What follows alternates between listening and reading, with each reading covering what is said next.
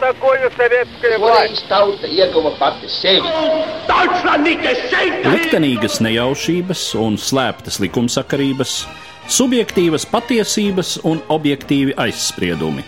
Pēc atkušņa nekad nenāk uzreiz pavasars, bet sākās Arī šodien cilvēki ir ļoti tūredzīgi. Viņi redz to naudu, kas ir. Televīzijā jau pamatā notiek cīņa par varu.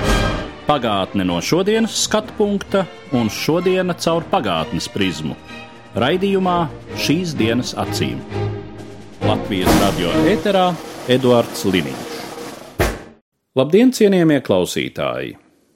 Nu jau četri gadsimti mūs šķir no 1610. gada 28. oktobra, kad Kuldīgas pilī nāca pasaulē kurzemes un zemgales hercoga Vilhelma Ketlera pirmdzimtais dēls, kuram tika dots jēkaba vārds. Ar šo vārdu jaundzimušajam bija lemts gūt slavu tālu aiz savas dzimtenes robežām un sava laikmeta ietvariem. Par viņu, vienu no izcilākajām personībām Latvijas vēsturē, kurzemes un zemgales hercogu Jēkabu Ketleru, mana šodienas saruna ar Kuldīgas novada muzeja krājuma glabātāju Dainu Antonišku. Hercogs Jēkabs ir viena no tām personībām Latvijas vēsturē, kuru nemaz nav tik daudz, kura ir par spīti tam diezgan lielajam laika nogrieznim, tomēr aktuāla arī mūsdienās. Jo nu nav nemaz tik daudz to vēstures tēlu, kuri parādās tādā arī populārā diskursā laika pa laikam mūsdienās, sākot no viņa īpašību piesaukšanas, kāda pozitīva piemēra, kā modeļa, tā sacīt ar motīvu. Mums šādus cilvēkus vajadzētu šodien, un tad viņš tiek likts parasti vienā rindā ar eh, Kārli Ulmani un varbūt Krišjānu Valdemāru un uh, Aivaru Lembergu. Piedodiet. No otras puses, šķiet, ka ir bijušas hercoga jēkaba vārdā sauktas alkoholisko dzērienu šķirnes un vēl šis tas no patēriņa produktiem, nu, kas arī tajā Latvijas iezīmīgo personu galerijā piekrīt vēl tikai dažiem zemgaļu vadonim Namējam vai baronam Minhausenam, un hercogs Jēkabs arī ir viens no tādām zīmīgām figūrām. Tā ka droši vien mēs varam teikt, ka nenoliedzami spilgta personība. Bet um, pirms mēs ķeramies pie hercoga jēkaba personības iztirzāšanas un tieši viņa laika iztirzāšanas, mums droši vien ir jāpalūkojas, kas tad vispār bija fenomens kurzemes hercogiste, kā tas vispār iekļāvās tā laika Eiropas, nu, pirmkārt, Austrum Eiropas plašākā ģeopolitiskā kontekstā. Kurzems un zemgālis hercogiste radās tādā laika posmā, kad sabruka iepriekšējā kārtība, kāda bija šajā teritorijā, jo Livānijas ordeņa valsts vairs nespēja pastāvēt tādā veidolā, kā tā bija pastāvējusi jau vairākus gadu simtus. Iekšējo nesaskaņu dēļ un arī kāru dēļ un apkārt aiz Livonijas robežām nostiprinājušos stipro valstu, Zviedrijas, Krievijas, Polijas dēļ. Notika šī izmaiņa, kad nodibinājās Daugavas kreisajā krastā, kur zemes un zemgals hercogis, savukārt teritorijā aiz Daugavas bija atkal cits veidojums.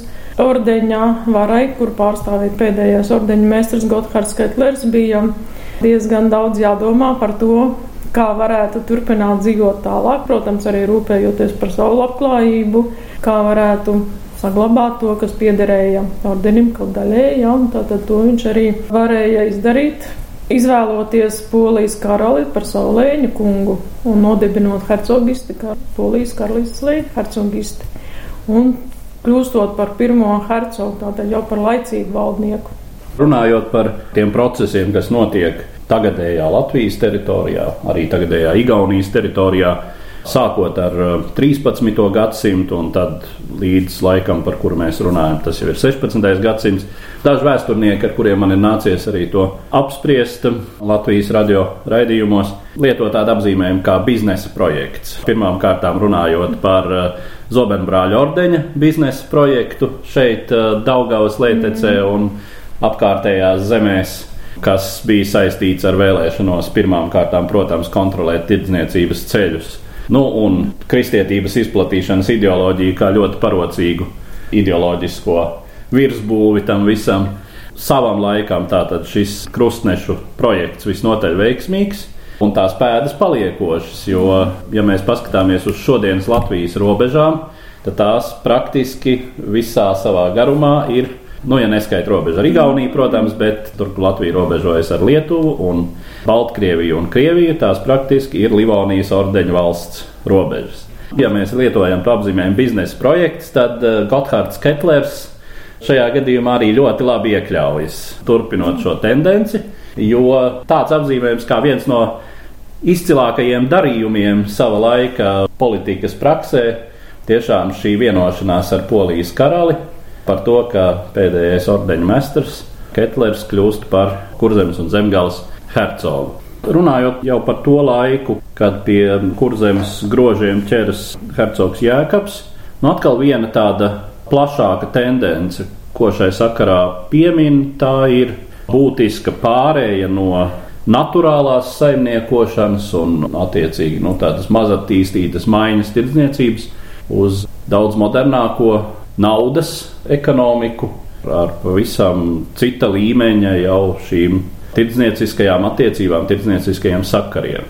Un šajā ziņā tiek minēts, ka tieši Hercogs Jēkabs bija tas, kurš pirmām kārtām, protams, kurzemē, bet lielā mērā grieza vispār visas Baltijas telpas attīstību šajā modernākajā un Eiropas vispārējai tendencei raksturīgajā virzienā. Te ir droši vien ļoti liela nozīme tam, ka Hercogs Jākaps jau savā agrīnā jaunībā izglītojās ārzemēs. Uzturējās gan Brandenburgas kurfirsta galmā, gan Holandē.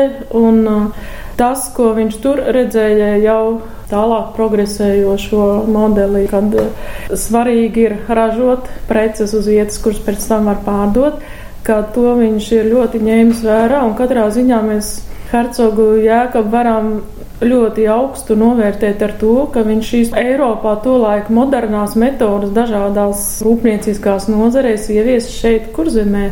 Un, um, Pateicoties jau ārzemju meistariem, kur tika attaicināti jebkurā no tām nozarēm, kur attīstīja vai tā būtu stikla rūpniecība, vai dzelsrūdas kausēšana, vai lielgabaliešana un, un visbeidzot arī kuģu būve, tas viss pamatā bija jauns. Viņa tēvs Vilhelms jau aizsāka nedaudz dzelzceļa apstrādi, dzelzceļa iegūšanu un arī pirmo kuģu būvu, bet tas ir tas progresīvais, kur viņš ieviesa, sākot valdīt šeit kurzemē un turpināja attīstīt, cik tas bija ļauts līdz kamēr kari to postīja atkal. Un uh, daudz uz tādas, ko šodien jau saka par ķīmijas rūpniecību, potaša ražošanu, pulvera ražošanu, salpetra ražošanu. Jā, tas viss bija jauns šeit.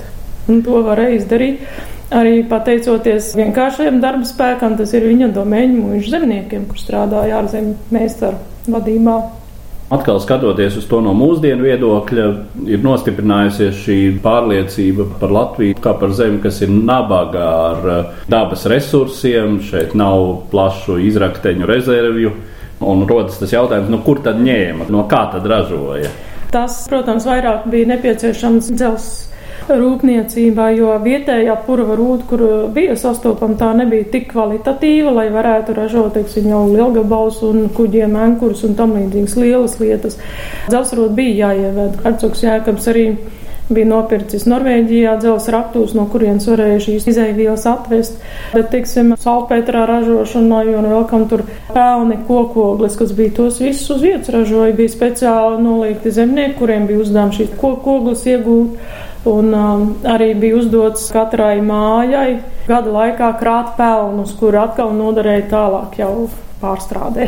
Un vai tas pats māls, lai varētu ražot krāšņu pūdiņus, tas jau bija pietiekamā daudzumā, un līnus audzēja pietiekamā daudzumā, tā kā ļoti daudz bija tiešām pieejams uz vietas, tikai vajadzēja mācīt izmantot. Tā laika tehnoloģijai, tā laika vajadzībām šeit uz vietas bija gana daudz izēvielu daudz lielāka nozīme pirmām kārtām bija kokam. Jā. Neapšaubām, nu, tāpat dabīgajām šķiedrām, ja runa par tekstilu rūpniecību un tā tālāk. Un tā tālāk. Bet pie vajadzības arī, protams, importētas izēvielas un, protams, importētas tehnoloģijas, un vietējais darba spēks. Jā. Lētais vietējais Lētais darba spēks. Darba spēks nu, par vietējo darba spēku mēs, protams, vēl droši vien runāsim, bet um, runājot par šīm tehnoloģijām, mēs piesaucam Hercogu Jēkabu sakarā tādu apzīmējumu kā inovatīvs šajā gadījumā varētu Uzņēmējs. teikt uzņēmējs. Jā.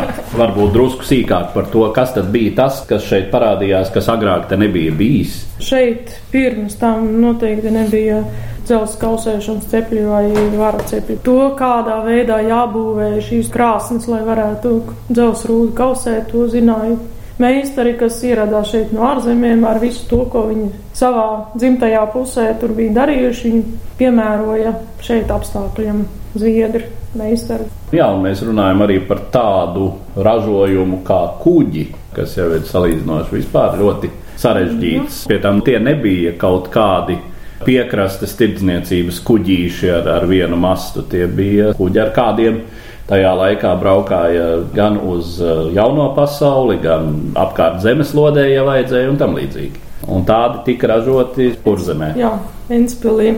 Varētu sacīt tā, ka visu, kas ir nepieciešams kuģu uzbūvēšanai, šeit pat uz vietas, kur zemē arī sadabūja, sākot jau ar lielajām priedēm, kas tolaik vēl pietiekamā skaitām bija, gan mastu priedes īpaši kurzemēs mežos bijušas slaidas, metāla detaļas, sākot no nagliņām, beidzot ar ankuriem un lielgabaliem, arī šeit pat uz vietas tika ražots, tāpat buras auda arī mūsu pusē skrundā.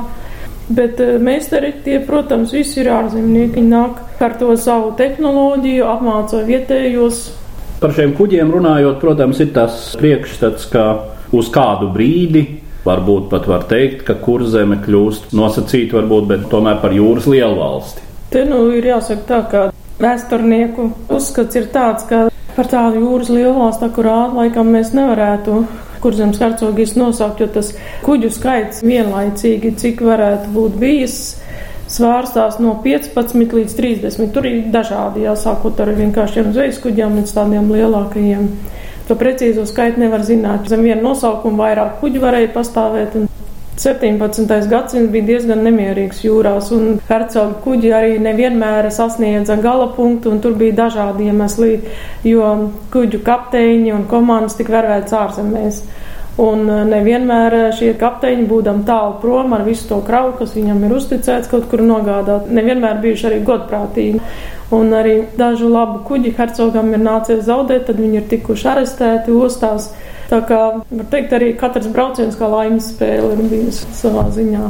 Un, lai arī bruņot ar lielgabaliem, nav dokumentāli pierādījumi, ka viņi būtu kādās jūras kaujās iesaistījušies. Kā kara kuģi, kā hercogs Jēkabs ir karojis, jo viņa politika tomēr bija tāda, ka viņš centās hercogistes neutralitāti saglabāt pēc iespējas ilgāku laika periodu. Un tas nozīmēja arī to, ka viņš saviem kuģu kapteiņiem bija stingri piekodinājis, lai viņi nekādā gadījumā neiesaistās militāros konfliktos. Un pēdējo gadu pētījumi tieši saistībā ar kurzemes hercogības periodu ir ļoti jauki apkopoti Ventspils muzeja rakstu krājumā, kas iznāca 2009. gadā. Tātad diezin vai hercogam Jēkabam bija sava kara flote. To tā diez vai var nodēvēt, bet jāņem vērā, protams, ka tā laika tirdzniecības kuģis arī ir bruņots. Katrā ziņā viss šī aina arī rāda hercoga Jēkaba uzņēmību un patiešām lielu enerģiju iesaistoties tik riskantā pasākumā, kāds bija tā laika kuģošana un starptautiskā tirdzniecība, kas ar to saistījās. Mēs jau faktiski arī visu laiku ap to jautājumu rotējam, kāda ir kurzemes hercogistes vieta tā laika Eiropas politiskajā situācijā. Tā tad nomināli teritorija atkarīga no Polijas karaļa. Bet uzreiz laikam ir jāsaka, ka ne jau tikai ar Poliju vai caur Poliju hercogs Jēkabs iesaistās starptautiskajā politikā tajā laikā. Kā jau es iepriekš minēju, tātad hercogs Jēkabs centās panākt to, lai hercogiste būtu neitrāla un neiesaistītos militāros konfliktos, jo tas laiks, kad viņš valdīja, diemžēl bija tāds, ka kurzemes hercogis jau teritoriāli atrodoties starp lielām valstīm, kas savā starpā karo, kļuva par to kara lauku, kurai cauri gāja dažādas armijas no vienas puses uz otru. Gan Polijas, Zviedrijas kara laikā, kad svešie karaspēki ir pārsteigājuši un prasījuši kontribūcijas un ir bijis nepieciešams viņus apgādāt ar pārtiku un tam līdzīgi. Nedaudz vairāk par 200 gadiem, kopš pastāvēja hercogijas tāda īsti miera gadi, jāsaka, nebija nemaz tik īpaši daudz. Un tāda mierīga dzīve arī īsāku vai garāku periodu no viena kara līdz nākošajam, varētu teikt, bija tā kā arī ārzemju meistari, kas šeit kurzemē strādā katrā ziņā tādos brīžos, kad bija kara darbi, viņa, protams, centās glābt savu dzīvību, un tad bieži vien bija tā, ka viņi devās uz drošākām vietām, un, un tas darbs pēc tam atkal jāsāk no jauna.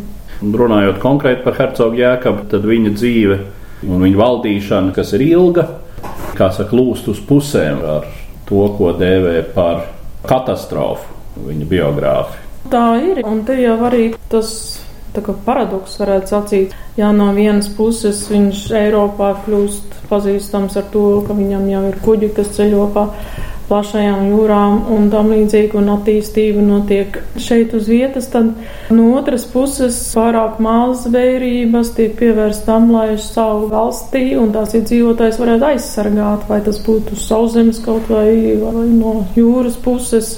Un tas arī ir par iemeslu tam, ka hercogs Jēkabs tik pēkšņi arī tiek sagūstīts. Ja būtu Jālgos pils varbūt vairāk nocietināts, ja viņam būtu vairāk karēju tur blakus, kas varētu aizstāvēt, tad varbūt būtu visam citādāk.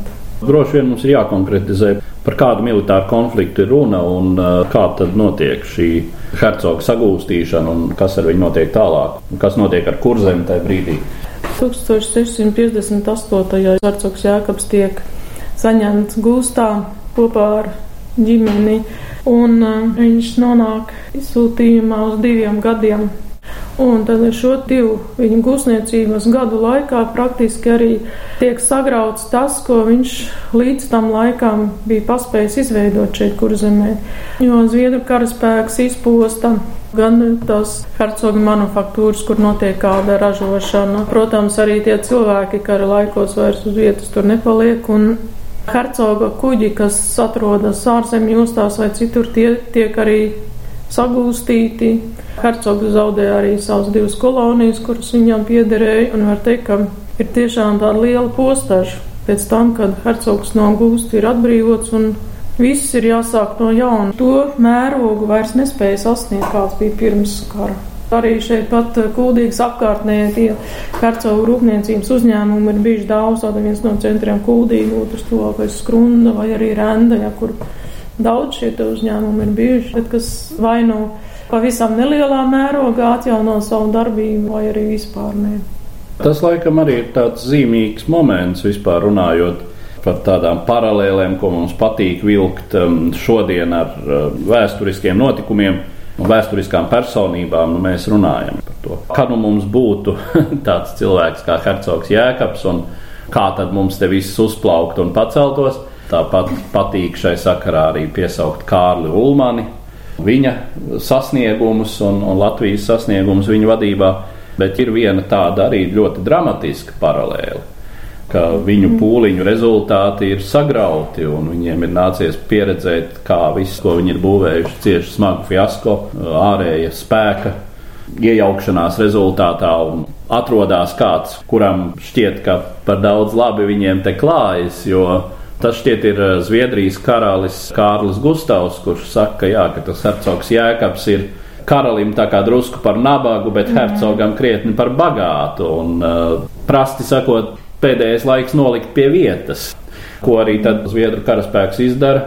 Pieminētajā 1658. gadā, ja mēs runājam par tādām paralēlēm, un droši vien ir vērts atcerēties, ka šādas paralēlas ir gana slidenas, un vienmēr būtu tomēr jāskatās pirms taisīt reklāmas rullīti par hercogu jēkabu, kas propagandē to vai citu ideju mūsdienu politiskā ievirzē, nu, tad ir vērts varbūt paskatīties uz šo spožo medaļu, tomēr arī no otras puses. Nu, ja vēl tā paralēli ar mūsdienām var teikt, ka jau sākot ar pirmo hercogu Gotthārdu Ketleru, tāpat arī līdz hercogam Jēkabām, viņi bija pozīcijā un bija opozīcija, kas bija mužniecība, tā kā arī viņu šīs stāvoklis hercogistē nebija tik vienkārši, jo Vienmēr bija ļoti liela pretestība no mužnieku puses, kuri nevēlējās, lai hercogam būtu liela vara.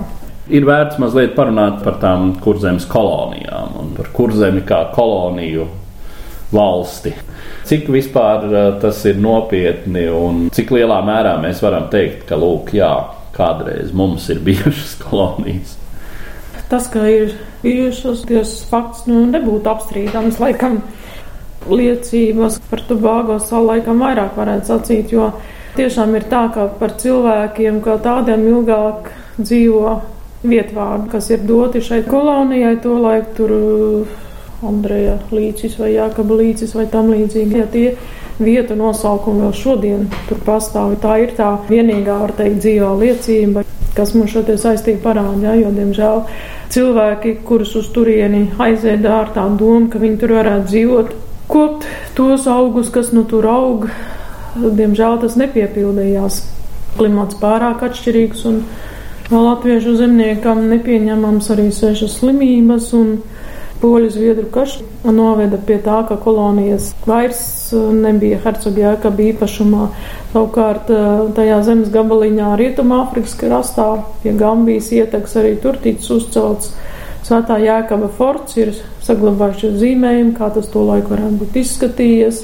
Un kādu laiku te pastāvēja, nu, te arī ir jāpiemina tas ne pozitīvais moments, ka no Āfrikas tika vesti arī vergi uz Tobago. Laikam ir jāpasaka tas, ka par tādu koloniju klasiskā nozīmē īsti var dēvēt Tobago salu, kur tiešām bija kolonisti un tā izskaitā mm. latvieši. Protams, saglabājot arī kurzemē pastāvošo hierarhiju, ka ja tie ir virsnieki, ja tie ir e, šīs zemes pārvaldnieki un administrācija, tad tie ir vācieši. Darba spēks, vai nu var būt, teiksim, salīdzinot ar Āfrikas vergiem, mazliet labākā situācijā, tad tie latvieši, kas tur tiek nometināti, bet, nu, laikam, skaits, par kur mēs runājam, tie tomēr ir daži simti, ja ne vairāk. Nu, jā. Tūkstošos noteikti, ka ne. Nu, un, kas attiecas uz Andrejas salu Gambijā, tad tā ir vairāk tāda tirdzniecības faktorija, kur nenotiek mm. zemkopība, un tas ir vienkārši maiņas tirdzniecības punkts, kur ar vietējām ciltīm maina preces, kas ir laikam pirmām kārtām ziloņkauls, zelta smiltis, arī kaut kādas garšvielas un jā, melnēdainie vergi. Droši vien, ka tas, kas mūs interesē, arī dzēn runājot par hercoga jēkaba laiku un priekšstatu par zelta laikmetu, Kā tas ietekmēja pirmām kārtām mūsu senču likteni, kā tas ietekmēja to vienkāršo toreiz kurzemnieku un nākamo latviešu zemnieku šeit, kurzemē, zemgalē, sēlijā. Hercogis pastāvēšanos laikos zemnieki nebija tādi pilnīgi viendabīgi arī tajos laikos, jo tie, kuri dzīvoja mužnieku mužās, tie bija kļuvuši par dzimtcilvēkiem un bija pilnīgā mužnieku pakļautībā. Savukārt hercogs, sākot jau ar pirmo hercogu, katrs nākamais arī bija viens no lielākajiem zemju īpašniekiem hercogistē, kuram piederēja tā sauktās domēņu mūžas ar noteiktu skaitu zemnieku mājām un tajā dzīvojušajiem cilvēkiem. Es atļaušos pārtraukt, faktiski domēņu mūžas bija gandrīz vai lielākais hercogu ieņēmuma avots. Jā, tieši tā. Un tur arī veidojās šī rūpniecība pamatā. Jā, un šajās hercogu mūžās ik pa laikam tika veiktas revīzijas, kur Rīgā valsts vēstures arhīvā šāda veida dokuments arī var atrast un apskatīties, cik daudz cilvēku tur ir bijuši pierakstīti. Un ir noteikti jāpiemina arī kuršu ķoniņi, kuri savos brīvciemos dzīvoja un sargāja savus leņu, ja brīvības grāmatas, un atšķirībā no visiem pārējiem latviešu zemniekiem, viņi bija brīvie zemnieki, kuri saglabāja savu personīgo brīvību, bet kuriem, ja teiksim, ordeņa laikos viņiem bija pienākums doties līdzi karā pret pagāniem, pret neticīgajiem un tam līdzīgi, tad eh, hercogu laikos viņu pienākums galvenais bija pastījātnieku pienākumu veikšana, jo galma pasta līnijas gāja no Rīgas uz Klaipēdu un šeit eh, tuvākās arī no Ventspils caur Kuldīgu uz Skrundu un tālāk vai no Jelgavas uz Kuldīgu caur Skrundu un tad šie kuršķoniņi bija pastnieki, kas apkalpoja šīs pasta līnijas. Hercoga jēkam laikā arī visi kuršu ķoniņi bija pierakstīti jau pie hercogā Kuldīgas domēņu mūžas tajā pašā sarakstā, kur viņa citi zemnieki. Bet kurši ķoniņi ir saglabājuši arī tādus dokumentus, arī mūsu muzejā tādi glabājās, ka Viņi ir sūdzējušies visiem hercogiem pēc kārtas, sākot ar Gotthārdu Ketleru, ieskaitot hercogu Jēkubu un arī viņa pēctečus par to, ka mužnieki viņiem vēlas uzlikt jaunas klausības, jaunas nodavas, Un ik viens no hercogiem ir devis tādu atbildi, ka kurš ķoniņiem nevar uzlikt nekādas papildu klaušas vai kādus papildu maksājumus, jo viņi tomēr atšķiras no pārējiem zemniekiem un tās ir viņu privilēģijas. Bet šāda veida brīvie zemnieki nebija tikai te pie kuldīgas, tādi ir bijuši arī Bauskas novadā, arī citur. Viņus nesauc par ķoniņiem, bet viņi bija brīvie zemnieki. Droši vien, ka šis kurzemes zelta laikmets latviešu zemniekam prasīja pirmām kārtām lielus sviedrus un, un lielas pūles. Un ka varbūt tas priekšstats par kaut kādām iespējām, kas latviešiem tā rezultātā pavērās, tā nu gan pamatā ir beletristika. Tā jau droši vien ir, jo tomēr tā kārtība, kas pastāvēja, ja, ja zemnieks ir dzimcilvēks, tur, teiksim, mužnieka mužā vai arī hercogu domēņu mužā, tad uzliktās klaušas vai nu ejot strādāt tā saucamām kainiekām vai arī ar zirgu vēl kopā. Tas noteiktais apjoms bija jāpildu. Protams, kā jau likumam, savi izņēmumi jau varēja būt, jo ir zināmi atsevišķi fakti, ka no tiem zemniekiem, kas strādāja hercogā uzņēmumos, ja viņi godprātīgi savu darbu ir pildījuši, iespējams, ilglaicīgi. Varēja būt tāds izņēmuma gadījums, ka zemnieks iegūst brīvību, kļūst par brīvo cilvēku un ir spējis nopelnīt arī kādu naudiņu un sākt tādu pastāvīgu dzīvi. Vai savukārt eh, runājot par kuģiem un tā komandām, ka tur būtu bijuši lielā skaitā latvieši, tas nu, noteikti neapstiprinās, bet ja nu kāds slepus uz kuģi ir uzlavījies, un tad pēkšņi jūras vidū atklāja, ka viņš tur tāds brauc līdzi, tad kādu laiku kuģojumu ir. Minēts gadījums, kad kāds latvietis, kurš ir bijis kaut ko nozadis, bēgot no soda, ir paslēpies uz kuģa un braucis līdzi, bet tik un tā, atgriežoties atpakaļ, tiek izdots sodīšanai. Nu, tā kā tie tādi izņēmumi, bet iespējams, ka hercogu domēņu mūža zemniekiem varbūt bija kādu drusciņu vieglāka tā dzīve nekā mūžās kur viņi bija pilnīgi gan arī vai kā lietas pārdodami, kārtīs nospēlējumi un tam līdzīgi. Mūsu laikos reizēm ir diezgan populāri, lai mūsdienu cilvēkam varbūt pietuvinātu to vēsturisko personību, mēģināt uh, iztēloties, kāds būtu hercogs Jēkabs, ja viņš dzīvotu mūsdienās. Ja viņš būtu mūsdienu realitātē, cilvēks, kurš varbūt būtu mantojis nevis titulu šajā mm. gadījumā, kas mūsdienu realitātē vairs nav ar to svaru, kas bija toreiz, bet tu būtu mantojis, teiksim, uzņēmumu akciju paketi vai ko tamlīdzīgu. Savā laikā skatoties kādu populāru zinātnisku filmu par Anglijas vēsturi, tur bija teikts, ka Viljams iekarotājs droši vien šodien mm. viņš būtu puisis ar diviem mobilajiem telefoniem uh, un braukt ar sarkanu Ferrari un viņa kara draudzē līdz ar hameriem, ja, tā tālāk. No tāda veida darbonis. Kāds jums tēlotos hercogs Jēkabs, ja viņš dzīvotu mūsdienās? Manuprāt, mūsdienu apstākļos viņš būtu pietiekami turīgu vecāku dēls, kurām vecāki ir nodrošinājuši labu izglītību ārzemēs, kas ir ļoti pozitīvs moments. Un mācoties ārzemēs, gūstot pieredzi tur, viņš atgriežas savā dzimtenē un šīs savas apgūtās zināšanas liek lietā un pie tam ar ļoti lielu enerģiju. Un domājams, ka viņš mūsdienās būtu ļoti veiksmīgs uzņēmējs ne tikai kaut kādā vienā šaurā nišā, bet ļoti daudzpusīgs. Ja teiksim, vienā jomā ne īpaši labi veids, tad varbūt kādu brīdi ir cita, kurā viņām ir ļoti labas sekmes. Priekš tādu mūsdienu uzņēmēju, es domāju, ka tas būtu tāds veiksmīgs cilvēks, kurš arī politikā noteikti būtu ievērojams, jo viņš to diplomātiju diezgan labi pieprata, kā būtu iesaistījies arī šajā sfērā.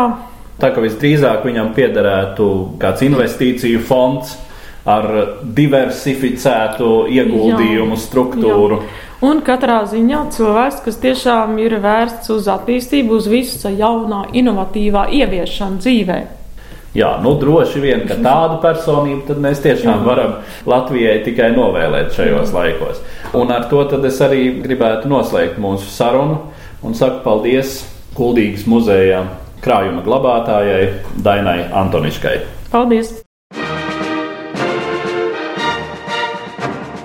Par pagātni sarunājas Eduards Līniju.